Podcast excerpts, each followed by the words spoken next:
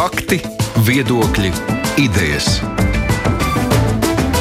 Raidījums Kruspunkta ar izpratni par būtisko. Samsons Kruspunkta studijā. Labdien! Jau nākamnedēļ Rīgā vēlēšanas. Mēs reiz nedēļā arī kruspunktā iztaujājam šeit trīs partiju pārstāvis par aktuālo, lai dotu mūsu klausītājiem arī iespēju vairāk orientēties politiskajā piedāvājumā galvaspilsētai. Nu, šodien mūsu raidījumā piedalās to trīs sarakstu deputāti kandidāti, kuriem visiem ir nu, reāls iespējas gan būt ievēlētiem, gan arī veidot varbūt nākamo valdošo koalīciju. No Nacionālās apvienības un reģiona apvienības kopējā sarakstā Ieva Siliņa. Labdien jums! Labdien! No gods kalpot Rīgā Joļiks Burovs. Sveicināti! Sveicināti! Un arī Vilnis Čirs pārstāv savukārt partiju jaunā vienotība. Labdien! Labdien! Tāds pavisam īsts iesildošais jautājums, Burovkungs, kā jums šķiet, jums ir izredzes kļūt atkal par Rīgas mēru? Jā. Uh, īsi un korekti. Uh, Siliņas kundze savukārt, uh, kā izskatās no jūsu viedokļa, jūs būtu labāks mērs, piemēram, nekā Burovkungs? Es vai Burovkungs? Jā.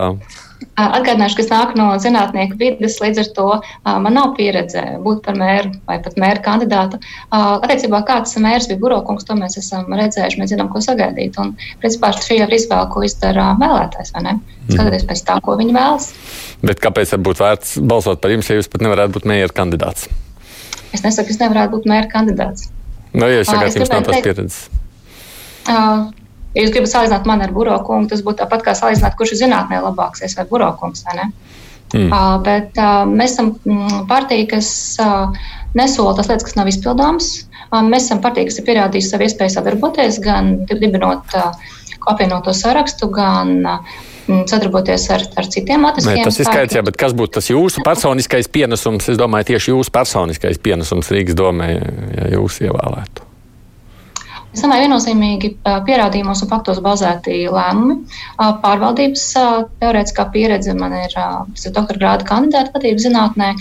Un, manā skatījumā mums pietrūkst šī te nākotnes tehnoloģijas, izmantot zinātnes potenciālu valsts un arī pilsētas pārvaldībai. Mēs brīžiem darām lietas, kā būtu divus gadsimtus atpakaļ. Iespējams, ka kaut kādā mērā mēs par to vēl varēsim parunāt. Savukārt, Čirškungam gribu jautāt kaut ko citu. Tajā socioloģijas aptaujās jūsu partijai rāda, ka jūsu partija būtu daudziem kā otrā izvēle. Nu, proti, ja viņiem, kas mainītos tajā pirmā izvēlē, tad viņi balsotu par jums. Kāpēc jūs tik daudziem, jūsuprāt, esat otrie, nevis pirmie? Nu, es jebkurā gadījumā skatos uz to kā iespēju. Un vēl ir palikusi pusotra nedēļa, daudz neizlēmušie gan arī 20% vai pat vairāk. Un es pieļauju, ka viņi tieši atliek šo lēmumu pieņemšanu uz, uz pašām beigām. Bet nu, tie ir sacījuši tie, kas savu lēmumu ir pieņēmuši un sacījuši, ne, ja tā viņu lēmumu būtu jāmaina. Nu, tad jau vēl jau vairāk. Tad ir, es pieļauju, arī tajos neizlēmušajos ir plus-mínus līdzīga, līdzīga tā tendence, par, teiksim, kur pārklājās tās izvēļu iespējas. Bet, jebkurā gadījumā, pastāv iespēja arī pārliecināt vēlētājus mainīt savu izvēli. Bet, bet kur ir tā problēma? Pat, bet, pat ļoti pozitīvi. Nu, labi, un kāpēc līdz šim jūs esat bijuši otrie, teiksim tā? Es teikšu tā, ka mēs nu, to reklāmas kampaņu esam uzsākuši vēlāk kā citu. Mēs jau redzam, ka daudzi iztērēja varbūt pat vienu vēlēšanu budžetu jau februārī, martā, jā, tad jau jūnijā. Mēs, nu, diemžēl, uz, uz šādiem apjomīgiem kampaņām uh, nu, tas mums tomēr par daudz. Mm -hmm. Mēs atstājām to kāpināt uz pēdējiem soļiem, un mēs arī šobrīd redzam, ja, ka pārliecinoši vienotības tā tendence reitingi iet uz augšu. Otrās izvēles, kā jūs minējāt, ir, ir, ir gan iespaidīgas. Es, es domāju, mēs vēl vēlēšanu naktī, nu ne mēs, bet dažas varbūt citas partijas, kuras tās diezgan pašpārliecināts, vēl ieraudzījis nevienu brīnumu. Nu, labi, to mums saka, protams, viss, un tas ir labi ar cerību, vai iet uz priekšu. Tādi pieci jautājumu bloki, kuriem mēs gribam šodien šajā stundā veltīt uzmanību. Tas pirmais ir par infrastruktūru. Tā prioritāte, vispārējais jautājums jums, kas ir tā jūsu prioritāte runājot par infrastruktūras sakārtošanu? Iesāksim ar jums, jūs tur pieminējāt zinātni, tā kā man šķiet tas interesanti. Jā, man liekas, ka mēs ļoti daudz neizmantojam viedās pilsētas tehnoloģijas. Piemēram, analizējot automašīnu cilvēku plūsmas, mēs varētu no, novērst visu šīs tā saucamās pudeles kakla situācijas. Mēs varētu ieviest reversās joslas, kur vai izvērst, novērst sastrēgumus. Mēs varētu ļoti daudz ko optimizēt, izdarīt labāk. Mums ir vajadzīga vienotā biļete, lai cilvēks, kurš dzīvo Siguldā, bet strādā Rīgā, var ar vienu to pašu sabiedriskā transporta biļeti iekāpt Siguldā un atbraukt uz darbu. Mm. Mums ir vajadzīga modernā iespēja nopirkt sabiedriskā transporta biļeti ar vietāluņa aplikāciju. Ir ļoti, ļoti daudz lietas, kas ir vajadzīgas. Piemēram, tie paši notek ūdeņi. Cik regulāri Rīgā principā ir plūdi, briesmīgi plūdi, kur pēc līkst mašīnas.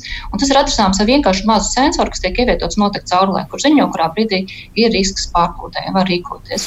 Tas, tas, ko jūs, jā, tas, ko jūs sakāt, ir tā, ka tur nevajadzētu tik milzīgas kapitāla ieguldījumus, lai atrisinātu daļu no problēmām, kuras Rīgā ir. Tieši tā. Man liekas, ka ļoti daudz problēmas Rīgā, kāds ikdienas rīdz, rīdznieku situācijā, neprasa lielu naudu. Nav mērķis iztērēt pēc liel, iespējas lielāku naudas summu. Mērķis ir panākt iedzīvotāju dzīvi pēc iespējas labāk. Mm. Un viena no lietām, piemēram, izveidot uh, aplikāciju, kurā iedzīvotāji atzīmē, kas nav kārtībā, kurā vietā ir bedre, kurā soliņā ir nagla vai kaut kas noticis.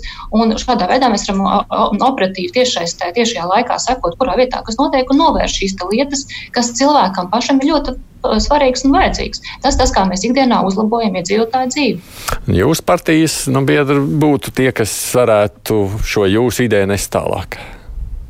Es domāju, ka tas ir veselais saprāts, sekot līdz laikam, sekot līdz jaunajām tehnoloģijām, saprast, kas ir jādara un kas ir jāveido. Tā kā es nedomāju, ka uh, kāds cits uh, no kandidējušajām partiju pārstāvjiem būtu tik nesaprātīgs, ka labā ideja teiktu, nē, nē, nekādā gadījumā, ka tikai tas nenotiek. Okay. Nu, Protams. Buraukungs, par jūsu prioritātēm runājot infrastruktūras jomā. Jā, nu tas ir viena no, viena no prioritātēm. Tas ir transporta infrastruktūra, un vispār es gribu pateikt, tiešām par Siliņas kundzes izteicieniem. Es domāju, ka Rīgai patiešām trūkstā zinātniska pieeja, un es esmu pārliecināts, tas var noderēt. Tādai know-how priekš Rīgas viņi ir nepieciešami. Bet, ja mēs runājam konkrēti, mēs runājam par sakārtotiem tiltiem, un konkrēti tilti, tas ir Brasas piecu gadu laikā, tas ir Brasas tilts, Deglava tilts, Zemitānu tilts, Gaisa tilts un Vanšu tilts. Mēs runājam par maģistrālam ielam, kā pilsētas centra, tā arī par apkaimēm, arī par to, ka vajadzētu sakārtot piebraukšanas ceļi pie izglītības iestādēm, īpaši pie pirmskolas izglītības iestādēm, par to, ka vajadzētu sakārtot lietas ūdens kanalizāciju un par velo satiksmi. Vispār, ja mēs runājam par infrastruktūru, ne tikai transporta, tas ir koki pilsētas ielas, tas ir velo infrastruktūra un gudra satiksme, organizācija, par ko runāja Siliņas kundze arī, bet es domāju, ka, ja mēs runājam par konkrētu piemēru, ja mēs stāvam korķus, nu, piemēram, pļavniekos, ko mēs darām? Mēs ieslēdzam veids un braucam par mazam ielam, kaut kādam šauram, lai izbraukt. Ja? Faktiski arī tie iekškvartāli iela nav piemērota tādam, tādai plūsmai, tāpēc vēlreiz vajadzētu tiešām organizēt gudrāko satiksmi, taisīt tādu audītu par satiksmes organizāciju. Nu, bet tas, ko jūs tur saminē, uz, nu, pieminējāt, izklausās diezgan pamatīgas investīcijas. Mēs jau vienmēr zinām, ka stāsta par Rīgu arī par naudu. Jā, bet ja mēs varam pateikt par to, ka, piemēram, izglītības sfēra ir sakārtota, un par šo laiku, cik es darbojos arī izpildu vārā, kā izglītības īpašuma departamenta direktors, piemēram, nosiltināts 82% skolu, 90% bērnu dārzsēkas, nu, tie, kas var siltināt, ja nerunāju par vēsturiskam ēkam, ja, tad šobrīd šo naudu, daļu no šīs naudas var novirzīt satiksme. Un pēdējais, ko es gribu pateikt, pēdējos gados ļoti liels procents līdzekļu netika apgūts. Tas ir vairāk no valsts mērķa dotācijām vai no, eh, vai no Eiropas naudas. Piemēram, 50% līdzekļu satiksmes departamenta budžeta regulāri nav apgūti. Vai jūs teiktais ir tā, ka jūsu partija vispār infrastruktūru liktu kā prioritāte numur viens? Nē, infrastruktūru, RNP darbību RNP, tāpēc, ka Rīgas namu pārvaldnieki ļoti daudz, jā, jā. ļoti daudz. Ne, es domāju, no investīcijām, no tā, kurā jāiegūda no investīcijām, naudu. No investīcijām, jā. No investīcijām, no investīcijām jā. jā. Sat... Transporta infrastruktūra viennozīmīgi šobrīd. Numur viens. Okay. Jā, nu, pēc tam koki, bet koki nemaksā tik dārgi, nu, lai uzstādītu koki. Ja? Ķirškungs, jūs prioritāts. Jā, nē, nu es vēl gribu nedaudz atbildēt Buraukungam, ka viņš 2013. gadā parakstīja pats saskaņas un gods kalpot Rīgai programmu, kurā rakstīts, ka temps, ar kādu tiek atjaunots Rīgas ielas, liek domāt, ka 2017. gadā Rīgas ielas būs savestas kārtībā, būs uzbūvēts Tvaika ielas pārvads, Zeltūdas ielas pārvads un Vietāls ielas pārvads. Ja? Tā kā mēs redzam, ka nekas no, no tā, ko ir solījis un pats Buraukungs parakstījis, nekas nav piepildījies un, un šajā jomā izdarīts. Kā mēs redzam, kā vienotība jaunā redz šo problēmu risinājumu, skaidrs, ka infrastruktūras deficīts Rīgā ir izveidojis pamatīgs. Mēs varam saukt jebkādu summu, un viņi būs pareizi. Vai tas būs viens miljards vai divi miljardi, tie tiešām nebūs pārspīlēti.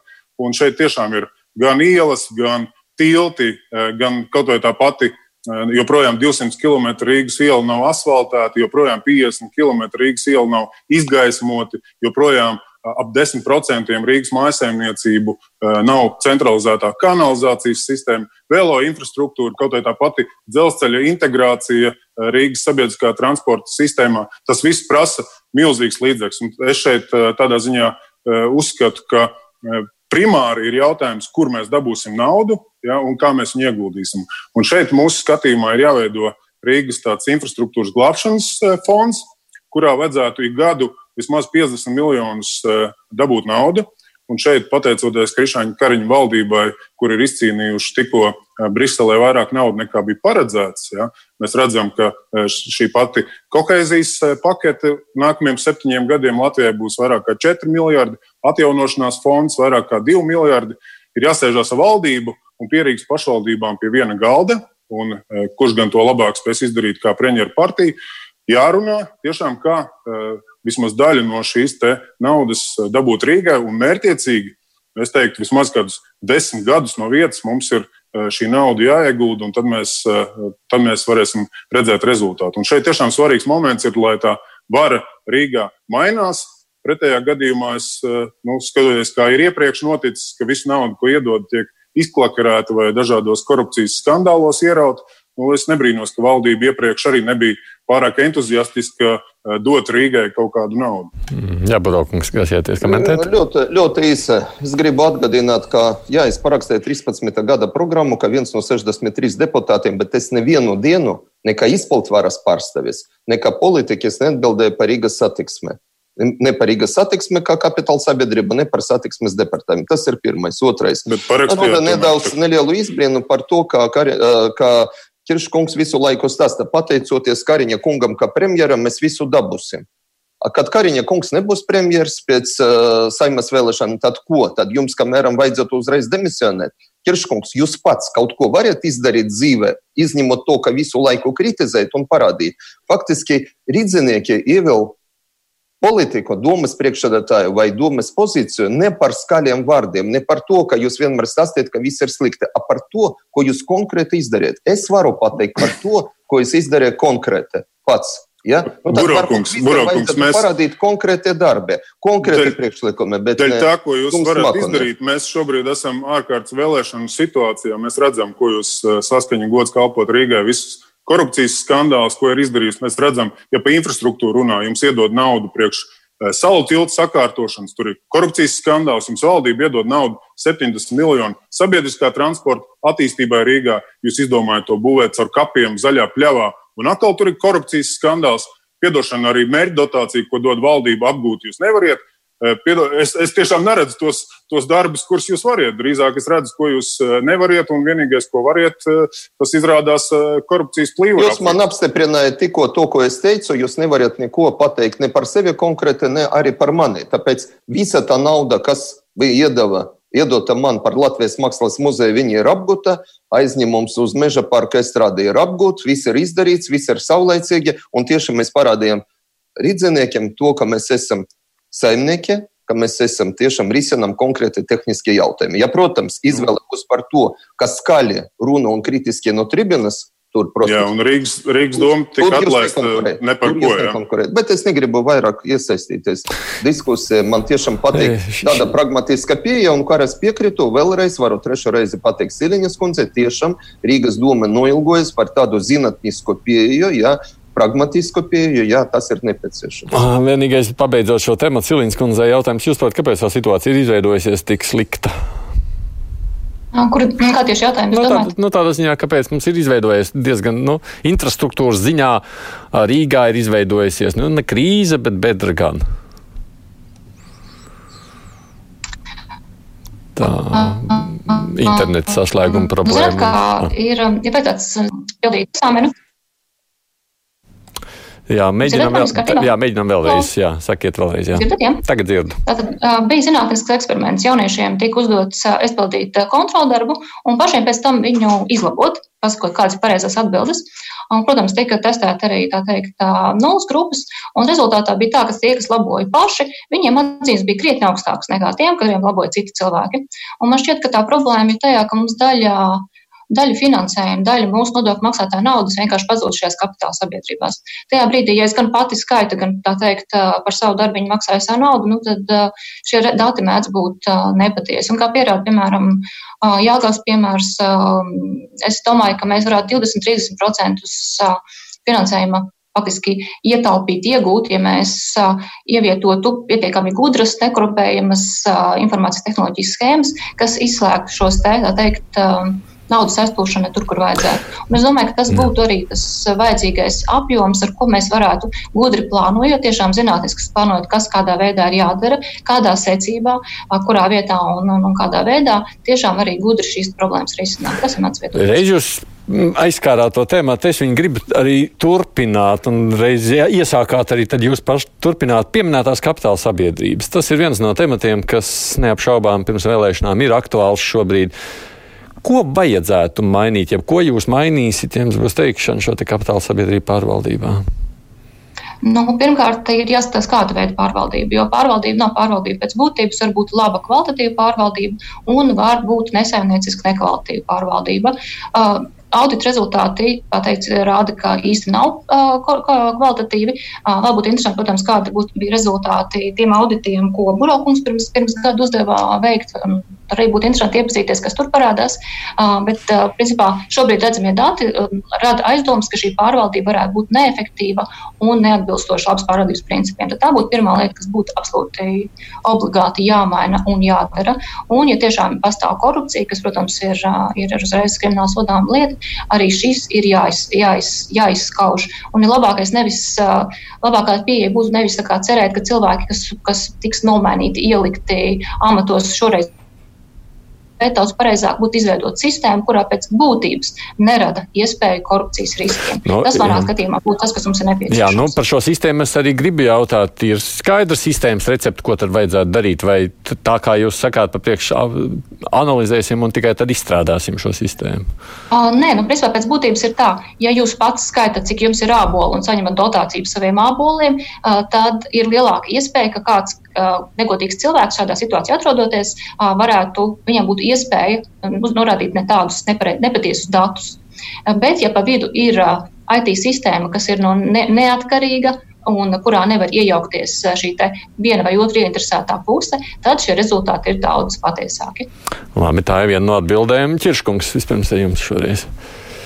Nu, jāskatās diagnoze, tā situācija Rīgas uzņēmumiem. Nu, diemžēl pēdējos 11 gados viņi ir bijuši nu, tāda, teiktu, saskaņas un gods kalpot Rīgai darba birža, e, kur sākot tur, nezinu, no Rīgas nama pārvaldnieku, kur iecirkņus vadīja saskaņas biedri, vai tur e, Rīgas centrāla tirgus, kur paviljons e, vadīja dažādi, dažādi biedri. Ja. Skaidrs, ka te otrā plānā bija kvalitatīva pakalpojumu sniegšana. Ja. Primāri bija kaut kāda dažādu schēmu un, un, un, un naudas apgūšana. Tas, kas ir jādara numur viens, ir eh, depolitizācija Rīgas uzņēmumu. Ja? Ir eh, jābūt, eh, jāievieš tā saucamās OECD vadlīnijas, kur tiek atlasīti cilvēki šo uzņēmumu vadībā pēc profesionālajiem kritērijiem ar politisko neutralitāti. Ja? Nedrīkst būt nekādā veidā saistīta ar partijām. Ja? Nedrīkst būt kā šobrīd, piemēram, Buraukungs ir autoostas padomas priekšsādātājs. Kā nākamais, nu, tālāk ir tādēļ Viena no retajām lietām, ko mums par spīti pretestībai izdevās izcīnīt, bija šie auditi Rīgas uzņēmumos. Eh, jāseko tiem ieteikumiem, tur ir virkne eh, sarakstītas lietas, kas ir eh, uzlabojams ne tikai Rīgas satiksmē, nama pārvaldniekā, bet arī visos citos Rīgas attiecīgi uzņēmumos. Un visbeidzot, ir jāievieš tās taisnības faktors. Proti, virknē no, no šīm nesaimnieciskām lietām, ko auditors redz, ir konkrēti valdes locekļi aiz tā stāv vai kapitāla daļu turētāji.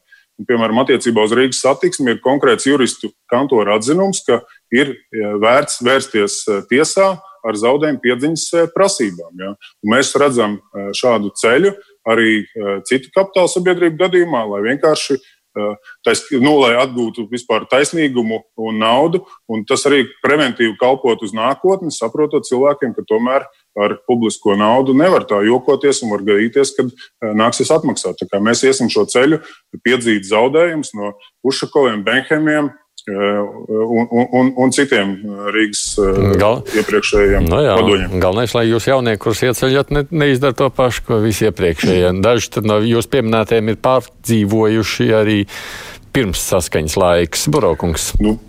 Jā, nu, paldies. Nu, kā vienmēr replikā Irškungam. Uh, Autosta tas ir privāta slēgta akciju sabiedrība, kur Rīgas doma nav nekāda vēsturiskā loma. Tur ir pārstāvis Rīgas satiksmes meita, un es esmu izvirzīts no privāta akcionāra, kam pieder. Bet Rīgas pārstāvis balsoja par jums? Kam, nu, bet, Es esmu vainīgs, ka viņi balsoja par mani. Tad pretenzijas nu, Rīgas satiksmē vai Rīgas acīm, bet ne man. Man izvirzīja privātais akcionārs. Jūs Viņi tiešām ticiet tādai, tādai veiksmai, uh, Vilni, Vilni, Vilni. Varbūt uh, netaisam šobrīd savstarpēju diskusiju. Es sapratu, tu kārtējo reizi pierādā tā, ka tev, uh, nu, labi, uh, ka tu vari tikai, tikai kritizēt, bet parādīt kaut ko pozitīvu tu nevari. Ja mēs runājam par kapitāla sabiedrībām, un šeit es gribu pateikt godīgi par Kirša kungu, tiešām pēc Vilņa Kirša iniciatīvas kā opozīcijas pārstāve, mēs pieņemam lēmumu, es būdams finanšu komitejas vadītājs, domas priekšētājs, mēs pieņemam lēmumu par audīta veikšanu.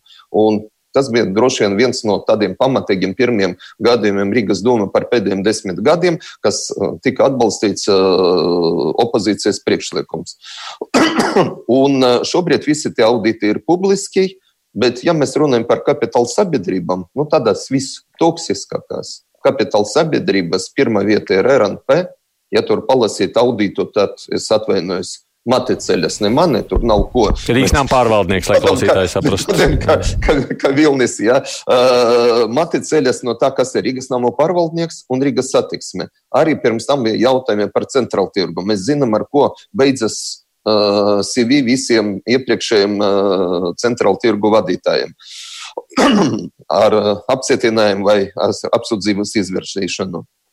Tāpēc šobrīd, protams, noņem politizāciju Protams, nekāda konsultante, nekāda cilvēka maksāt 3000 skaidra, nu, neskaidra maksāt 3000 algu deputātiem tikai par to, ka viņš ir deputāts un uh, spiež to pogu, ja vai nē, kad viņam būs paceltas pirksts. Ja? Tas ir absolūti amorāli. Ja? Tas nevar būt nekāda gadījuma. Ja? Nevar būt arī, kad notiek pēdējā laikā tāda absolūti negaidīta izvirzīšana padomes locekļus. No sākuma atstādināšana, es runāju par Rīgas satiksme padomu, pēc tam izvirzīšana absolūti tādiem cilvēkiem ar šaubīgu reputāciju. Ja, to, ko izdarīja pēc tam Radzeviča kungs. Ja.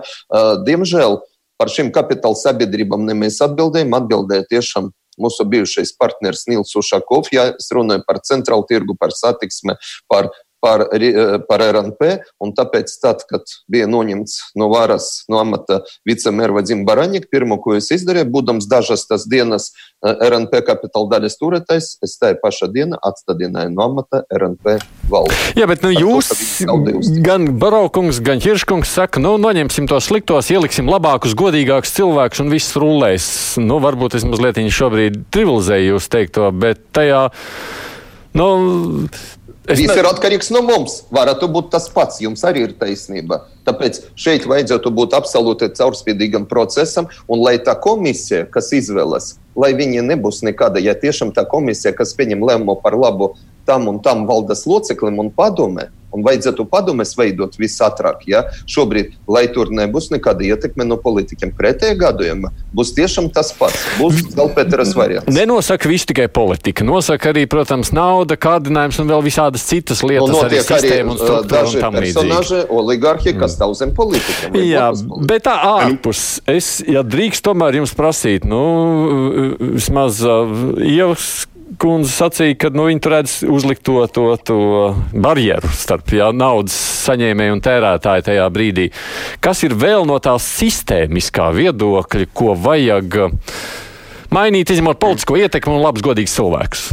Ne, nu skaidrs, ka pāri visam stāv caurspīdīgums. Mēs redzam, tur, kur bijuši lielākie skandāli Rīgas satiksmē, tas pats Rīgas nama pārvaldnieks.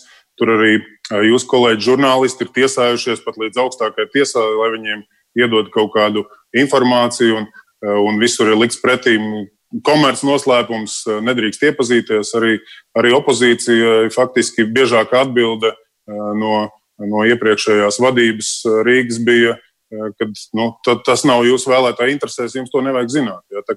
Tur, kur ir daudz acis, ja?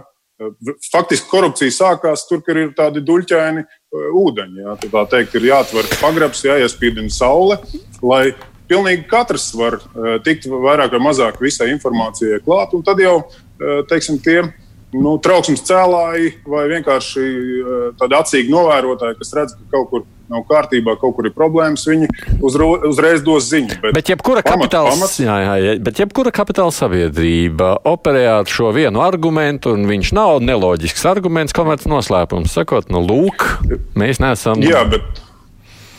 Nu, redziet, Rīgā es īstenībā nu, tikai dažas kaut kādas vietas redzu, kur ir kur var būt kaut kāda komerciāla noslēpuma nozīme. Pārsvarā viss ir monopolu uzņēmumi, neviens viņus eh, no tirgus eh, neizdzīs vai konkurences cīņā nepārspēs. Vienīgais, kur var kāds pasūtītājs, nezinu, banka, kas izsniedz kredītu, negrib, lai citi uzzina, ka iedeva tur, nezinu, Rīgas uzņēmumu lētāk vai kaut kā tāda. Bet nu, tie ir atsevišķi gadījumi. Pēc iespējas jāmēģina no tā izvairīties. Arī galu galā tas pats uzņēmums var teikt uh, tam piegādātājiem, nu, piedodiet, bet mēs eh, gribam tomēr uh, šo līgumu atklāt vai kā tam līdzīgi. Bet, jebkurā gadījumā tas, ko es nepabeidzu, tomēr uzņēmuma viss tas stāsts sākās no vadības un no veida, kā viņš tiek atlasīts. Ja iepriekšējos gadus vienkārši uzšauja biroja vadītāju, un vienlaicīgi arī viņa sieva vadīja komisiju un izvēlējās gan izvēlēt pēc nesaprotamiem kritērijiem, kurš vadīs uzņēmumu. Ja?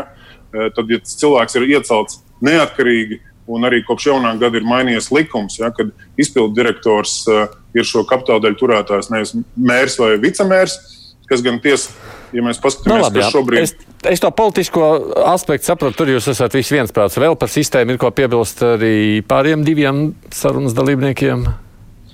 Nu, kā jau teicu, man liekas, daudz pareizāk ir nevis mēģināt atrast tos cilvēkus, kam sirsniņi ir kā dimanta toliņi, bet izveidot sistēmu, kurā šī lieta nav iespējama. Tāpat iepirkumi, ja tie ir caurspīdīgi, pilnīgi godīgi visiem caurredzam, nu tad nav iespējams. Vienkārši izveidot sistēmu, kurā nav iespējama šī negatīvā praksa. Tas ir vienkāršākais veids, tā tas strādā visā pasaulē.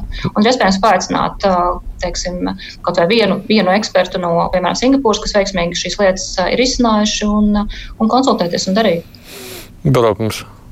Jā, nu, šeit es absolūti piekrītu Kirškungam, jā, bet varu papildināt, ka uh, faktiski, ja mēs runājam par iepirkumu sagatavošanu, ļoti būtiski, ļoti profesionāli, un tas skar ne tikai kapitāla sabiedrības, bet arī Rīgas domas izpildvaru, ļoti būtiski, precīzi, profesionāli sagatavot tehnisko specifikāciju, tehnisku uzdevumu projektēšanai. Ja projekts ir slikts, tas dod pamatu pēc tam pieprasīt naudu būvniekiem, un neviens neko nesaprot. Tur tiešām, nu, piemērs ir uh, Brasas tilts. Mēs viņu pieremontējam par desmit miljoniem. Bet lūp, būtu ļoti labi viņu nojaukt. Bet kā tu saproti, ka būvnieks, apakš uzņēmējs, ģenerāla uzņēmējiem, projektētājs, būvzraugs un bijušais pasūtītājs ir viena persona, Nu, tad tu pats saproti, ka es stāvu pie brāzas tilta, saprotu, visu ar savu pieredzi es varu organizēt būvniecību tempos. Es jums varu pateikt konkrētu termiņu, datumu, kad viņš būs nodots eksploatācijai. Es nesaprotu vienu, es nesaprotu naudu, tāpēc ka viņi visi ir saistīti.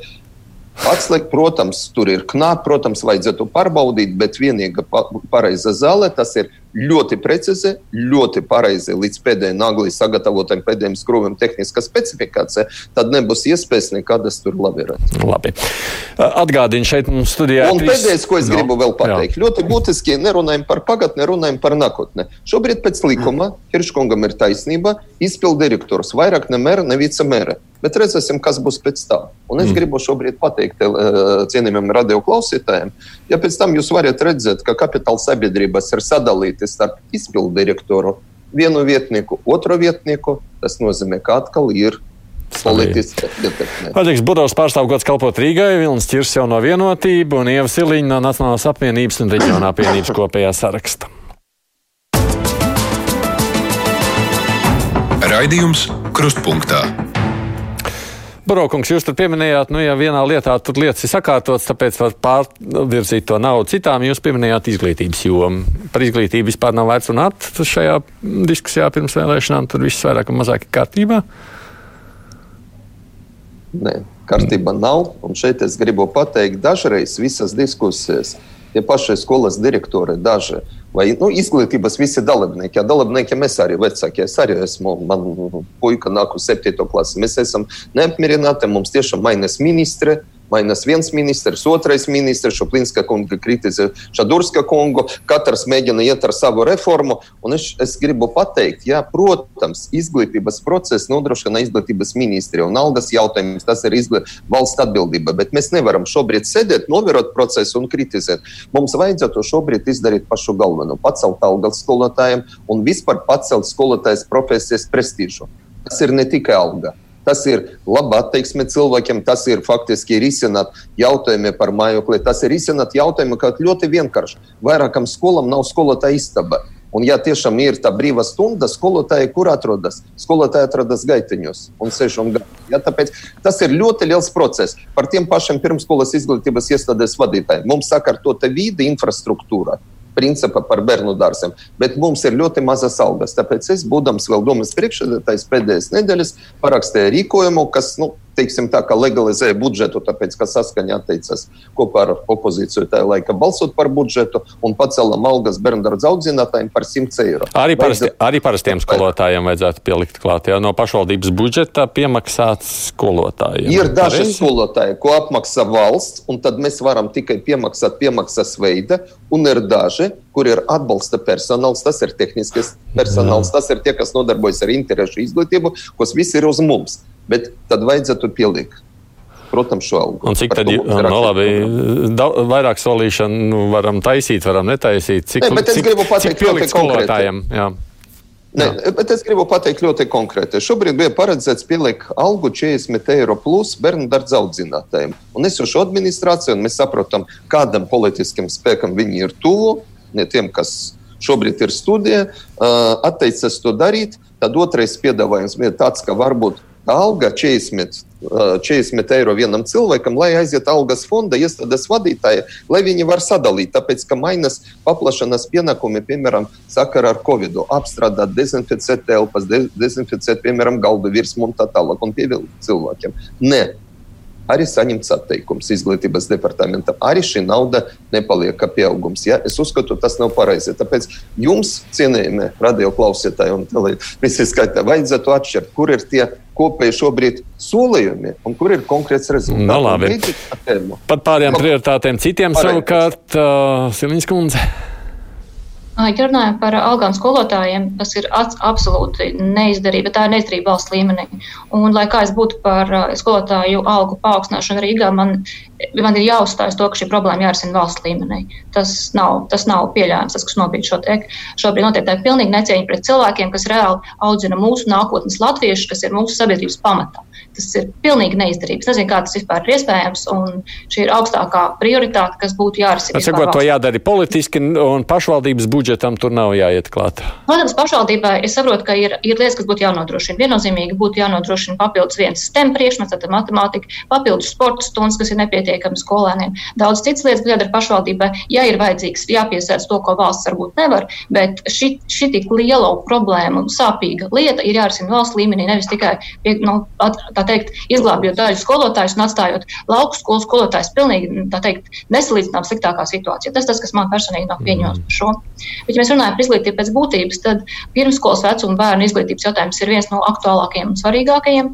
Tā ir mūsu prioritāte numur viens tieši nodrošināt kvalitatīvu pirmskolas vecuma bērnu izglītības pieskatīšanas programmu tā, tā tad līdz nu, pilnīgi, pilnīgi visiem vecākiem, kas ir vajadzīgs, līdz 22. gada rudenim. Ja nav iespējams nodrošināt to valsts dārziņos, tad teikt apmaksāt privātu dārziņu. Tā ir absolūti nepieciešamība. Otrkārt, ir jāvar šo iestādi izvēlēties pēc vecākam izdevīgas vietas. Tas nav tā, es dzīvoju šeit, tāpēc mans dārziņš ir tikai šeit.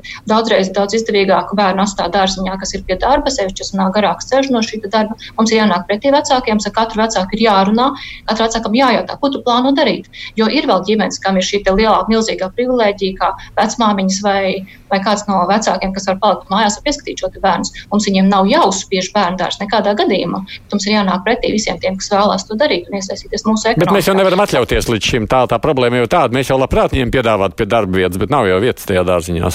Nu, mums jau trūkst šo dārziņu.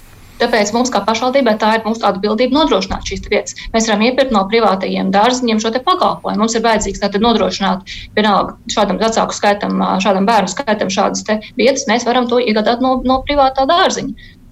Un tas ir daudz labāk nekā vecākam ir jāatrod no sava budžeta un tikai šis līdzmaksājums. Tā ir mūsu, mūsu kā pašvaldības pienākums nodrošināt šīs vietas. Un to varētu Rīga atļauties. Pilnīgi mierīgi. Tas ir pilnīgi izdarāms. izdarāms. Tālāk mums vajadzīga akadēmiskā jūdzi. Tā ir lieta, kas ir kas saistīta ar augstskolas līmeni, jo mums ir arī vajadzīgi biznesa inkubatori, šī zināšanu apmaiņa, lai mēs varētu radīt jaunās tehnoloģijas. Tas ir eksistenciāli nozīmīgi mums kā, kā pilsētai, lai mēs būtu tie, kas radītu šīs jaunās tehnoloģijas, nevis tikai patērētu, iepirktu. Un vēl viena lieta, kas mūsu pilsētā šobrīd ir nepietiekami uh, izdarīt, no, novērtēt, mēs vēlamies veidot jauniešu domu jauniešu viedoklis netiek pietiekami uzklausīts, viņi netiek pietiekami iesaistīti. Uh, un tad tie jaunieši, kādi ir šobrīd, tie vairs nav jaunieši, kādi bija pirms gadus 10, 20, 30 atpakaļ. Šie cilvēki ir jau ar pilnīgi citu skatījumu, citu pasaules pieredzi, citām inovatīvām idejām, pilnīgi citu radošumu, pilnīgi atvērtāku skatījumu uz dzīvi. Un šis ir resurs, milzīgs resurs, ko mēs varētu izmantot savas pilsētas uzlabošanai, savu iedzīvotāju dzīves uzlabošanai. Tas, tas, kas mums ir izglītības jomā jādara pēc iespējas ātrāk. Labi, tieši kungs. Ne, nu, protams, eh, ir, ir ko darīt gan vispārējā, gan augstākā izglītībā, bet, eh, bet tas, kas Rīgā tiešām laic kā ilēns eh, no maisa ārā, ir, ir šīs bērnu rindas. Jā, vairāk kā 2000 mazie rīznieki šobrīd viņiem nav vietas bērnu dārzā, un loģiski tam ir savs seks. Cilvēki arī jaunas ģimenes lielākoties kā vienu no iemesliem tieši kādēļ aizbrauc no Rīgas uz teiksim, Pierīgu vai citur, uzrāda šo bērnu dārza trūkumu. Un šī ir problēma, principā, numur viens, kas ir jāatrisina. E, un šeit ir tādas trīs sadaļas. Ja. Numur viens, um, numur viens tā tad ir šiem pirmskolu pedagogiem jāpalielina naudas, jo jau šobrīd pašvaldību dārziņos daudzos ne, nav kas vienkārši strādā, tur ar mokām var atrast. Ja, un tas ir jādara uzreiz, jo principā konkurēsiet ar pierīgu. Konkrēti, ja tā pierīga, viņi pielika klāt bērnu dārza algām, jūs liksiet klāt, lai nāk pie jums atkal, un tad viņi atkal liks klāt. Protams, bet jebkurā gadījumā tam jau ir saistība ar iespējām nosakt savus ikdienas maksājumus. Un, un cik nu tur šobrīd daudz kur ir nu, labi 800 uz papīra, ja, varbūt nedaudz vairāk, bet tas ir krietni pa mazi ceļšķi pedagoģa asistentiem, auklītēm, kas ir vēl, vēl mazāk šī summa. Kā otra lieta, ja, ir jātiek galā ar rindām. Ja, kā jūs minējāt, vairāk kā 2000 bērnu. Un šeit es redzu politiski motivētu uh, iepriekšējās varas uh, necīnīšanos ar šo rindu, jo kā gan savādāk skaidrot, ka ap, aptuveni divas trešdaļas no bērniem šajā rindā ir tieši uz latviešu grupiņām, ja, un viena trešdaļa uz mazākumu tautību grupiņām. Ja, tā kā šis ir jāatrisina, mēs to redzam, ieviešot tādu daļēju Norvēģijas modeli. Proti, vienlaicīgi mēs paceļam līdzfinansējumu, bet uztaisot sistēmu tādu, ka vecākiem ir vienalga, uz kuru, uz kuru bērnu dārzu viņi ved bērnu, vai uz privāto, vai uz pašvaldības bet tā pamatpakete tiek nodrošināta pa brīvu. Restīvi tiek nojauktas robežas starp pašvaldības un privāto dārziņu, jo tas principā nav taisnīgi. Es brīnos, ka vēl neviens vecāks nav aizgājis uz satversmes tiesu, pasakot, kāpēc teiksim, kādam, kam paveicās, viņam nekas nav jāpiemaksā, kādam, kam nepaveicās, tam ir jāpiemaksā nezinu, 100, 150, 200 par savu bērnu dārziņu, un kādam, kam pavisam nepaveicās, vispār nav vieta bērnu dārzā. Ja? Tā kā šīs robežas ir jānojauc, un, un, un rindu mēs redzam, ka divu gadu laikā ir iespējams piesaistot tieši privātos dārziņus, bet panākot situāciju, ka visiem pamatpaketa ir pa brīvu, to, tas ir izdarāms. Un visbeidzot, numur trīs ir, nu, mums ir jāpāriet uz latviešu valodu visos Rīgas bērngārzos. Mēs redzam, ka Mēs redzam, ka Jālgava eh, to ir izdarījusi jau 90. gados. Mēs redzam, ka nevien, nevienam tas nesagādā problēmas. Mēs redzam, ka 25% bērnu, kas pabeidz eh, mazākuma tautību bērnu, pēc tam iet uz, uz latviešu skolām. Integrācijai ir jāsāk notikt, un viņai jāsāk notikt no bērnu dārza, jo šobrīd teiksim, latviešu, krievu, igauņu, ukrāņu bērns Viņi satiekās pirmo reizi īstenībā tikai augstskolā. Ja? Jo pārējā, gan bērnu dārza, gan vispārējā izglītība ir, ir nodalīta. Ja? Un, nu, mēs nevaram cerēt uz to, ka eh, kaut kādā veidā notiks integrācija. Mūsu ikdienas nesaskarsies un, un, un, un kur nu vēl labāk Jā. to darīt, eh, jau vai pašiem mazākajiem rīzniekiem. Es par šo droši vien rīkot vienu atsevišķu diskusiju, jo šeit ir ļoti daudz jautājumu, kur uzreiz no šī izrieta. Es likšu to aiz auss, un es domāju, ka mēs kaut kad pēc vēlēšanām pie šī temata atgriezīsimies jau savukārt ar politiķiem. Noteikti. Par šo tēmatu es viņu neturpināšu. Ja, ja gribat, Burokungs, īsu repliku, tāpēc, ka man vēl viens temats, ko es gribu pārjautāt jums visiem pēdējiem desmit gadiem 23 jauna bērnu dārza, 16 pirmskolēkas un 7 skolēkas, ja 3000 bērni. Un faktiski visas Bērnu dārza sēkas tas ir tikai latviešu grupas. Mēs esam ieinteresēti arī, lai pēc iespējas arī vairāk ir bērnu dārzi pierīgas, jo stiprāk ir, jo vairāk ir bērnu dārzi pierīgas, tad, jo mazāk mums būs rinda no pierīgas iedzīvotājiem. Un šogad uz 1. septembri pēc divām nedēļām būs uh, 580 jaunas vietas, un mēs runājam par to, tas ir absolūti reāli, katru gadu 500 jaunas vietas pašvaldības sekas. Labi, ar šo tematu arī pabeidzām. Es gribēju vēl vienu aspektu pārjautāt jums, un te es mazliet mazāk laika veltīšu tiem pēdējām jautājumiem. Jautājums runājot par vidi, kokiem. Un nepieciešamība tur kaut ko lietas labā darīt. Es sāku šoreiz ķirškungs ar jums. Kas ir tas, ko jūs pat vajadzētu sakārtot, ja runājam par vidas jomu Latvijā, Rīgā, kas būtu tās prioritārās lietas? Nu, nu, pirmkārt, mainīt domāšanu, jā, jo iepriekš domāšana bija Eh, gaisa kvalitāti eh, cīnīties, izslēdzot mērāmos aparātus. Ja. Eh, tā, protams, nevar. Un šeit ir par, par vidi, protams, tas ir ļoti komplekss jautājums, sākot no transporta sistēmas vairāk pāriešanu uz sabiedrisko, mazāk privāto, mazāk lietot sāli uz ielām, ja, jo sāls pēc būtības saindē augsni, un tad augsnē tie koki negrib augt. Ja. Protams, ir jāstāda jauni koki. Mūsu programmā ir paredzēts tāds, nu, varbūt pat simbolisks punkts, ka mēs katram jaunajam rīzniekam, jaunpiedzimušajam rīzniekam pa godu iestādīsim vienu koku. Ja, tad tie gadā būtu aptuveni 6,5, varbūt pat nedaudz e, vairāk koku.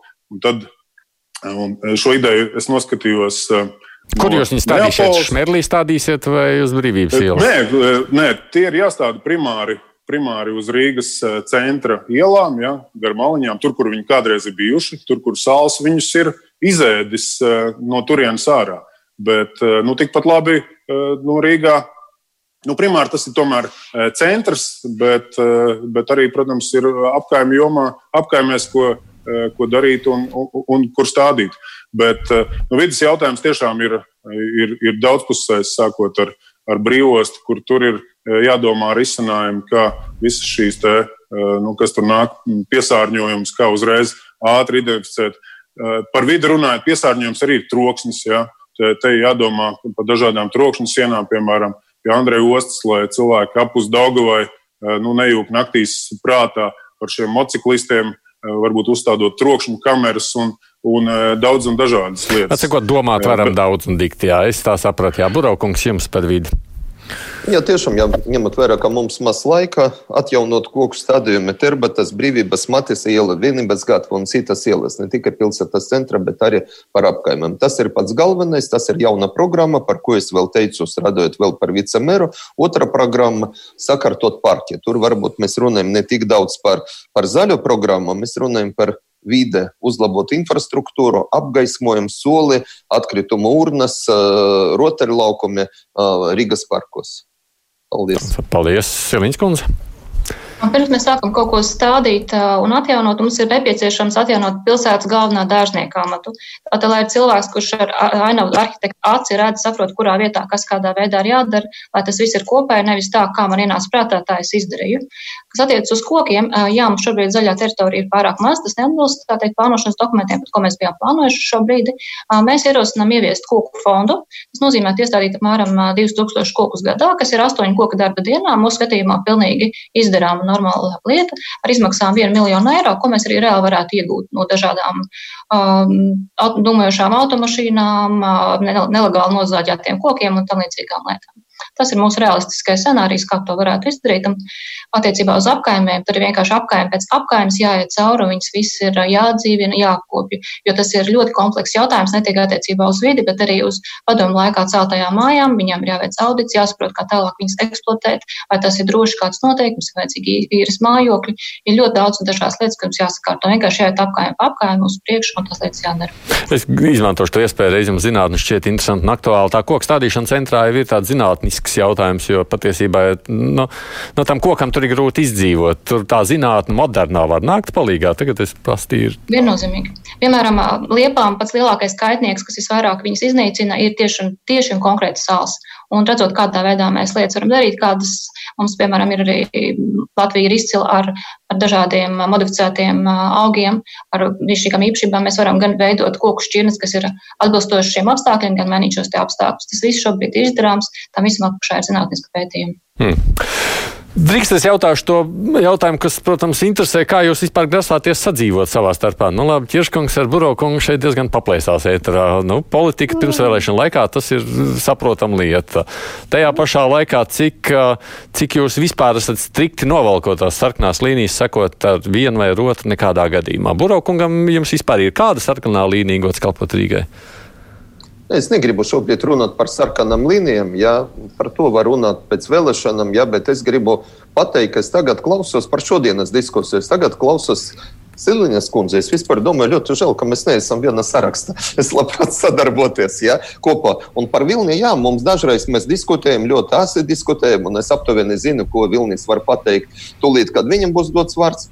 Bet es arī labprāt ar viņu pastrādātu. Tāpēc viena lieta ir diskutēt, viena lieta kritizēt visu laiku, un otra lieta strādāt. Un ņemot vērā uh, manu pieredzi, es labprāt strādātu ar cilvēkiem, kas nāk jaunie, ja? cilvēki uz domu, tāpēc ka domai vajadzētu mainīties. Mums vajadzētu mainīties. Mēs esam gatavi, mums ir pieredze, mēs tiešām saimnieciski domājuši cilvēki, saraksts mums ir labs, bet mēs labprāt strādāt koalīcijā. Nebūs tā, ka vienai partijai būs 31 balss. Paldies! Celīns kundze, cik saprot, savukārt nav gatava strādāt kopā ar Burokungu.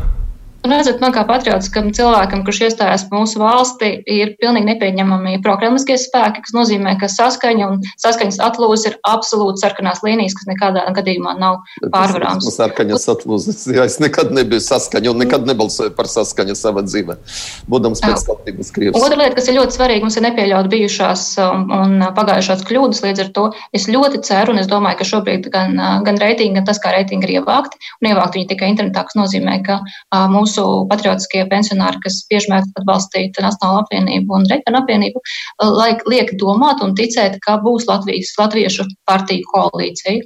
Es tiešām uz to paļaujos un ceru, es domāju, ka tas būs kaut kas, ko Rīga ir pelnījusi, kas mums tiešām ir vajadzīgs. Bet ļaujiet precizēt, tad gods kalpot Rīgai jūs nosaucat par saskaņas atlūzu. Nu, redzat, pats pirmais ir nestarboties ar prokramiskiem spēkiem, otrais ir nepieļaut iepriekšējās varas atgriešanos. Tas tie ir mani mērķi šādā secībā. Bet, Ķers... protams, primārais vēlamais ir Latviešu koalīcija. Ķerškungs. Nu, šīs vēlēšanas, ņemot vērā, ka viņas ir ārkārtas un iepriekšējā doma ir atlaista par korupciju un e, nesaimnieciskumu, tad šo vēlēšanu principā tas e, nu, izaicinājums ir, vai vara mainās vai nemainās. E, nu, mēs vēlamies sarkano līniju pret korupciju. Un šeit es īsti neredzu starpību ne, pret, ne, no, ne, ne saskaņu, ne GKR. Ja, ka, lai kā arī Buraukungs mēģināja stāstīt, ka viņi tur atbildējuši politiski par kaut ko citu, ne par Rīgas satiksmi, ne par Rīgas nama pārvaldnieku, ja, bet mēs, mēs tik visi redzam, ja, ka etalona tēvs ir Aleksandrs Brandovs, gods kalpot Rīgai, biedrs, valdes loceklis, ziedotājs. Mēs redzam, ka Rīgas nama pārvaldnieku ilgstoši ir vadījis Servins Straupe, kurš ir gods kalpot Rīgai biedrs un arī attiecīgi bijis valdes loceklis. Ja. Viņi desmit gadus visu kā cimdiņš ar rociņu. Es gal galā pēdējos trīs gadus esmu viņus vērojis. Vēl gadu atpakaļ Buraukungs ar putām uz lūpām stāstīja, ka Rīgai vajag atkritumu monopolu uz 20 gadiem. Ja. Tā kā es īsti neredzu iespēju sadarboties, un es domāju, ka, es domāju, ka valdības koalīcija dabūs vairākumu. Ja? Nē, domāju, tas ir labi skaidrs. Man patīk tagad publiski, Bet... Kiršņa kungs, kas saima lobē šo. Jūs aizmirstat savu CV? Varbūt man pateikt tagad, kas taigāja pa frakciju, kur jūs bijat, kas lobē šo laiku, šo termiņu. Nu, pastāstiet, pastāstiet. Nu, tad Vilni, vajadzētu par sevi atcerēties.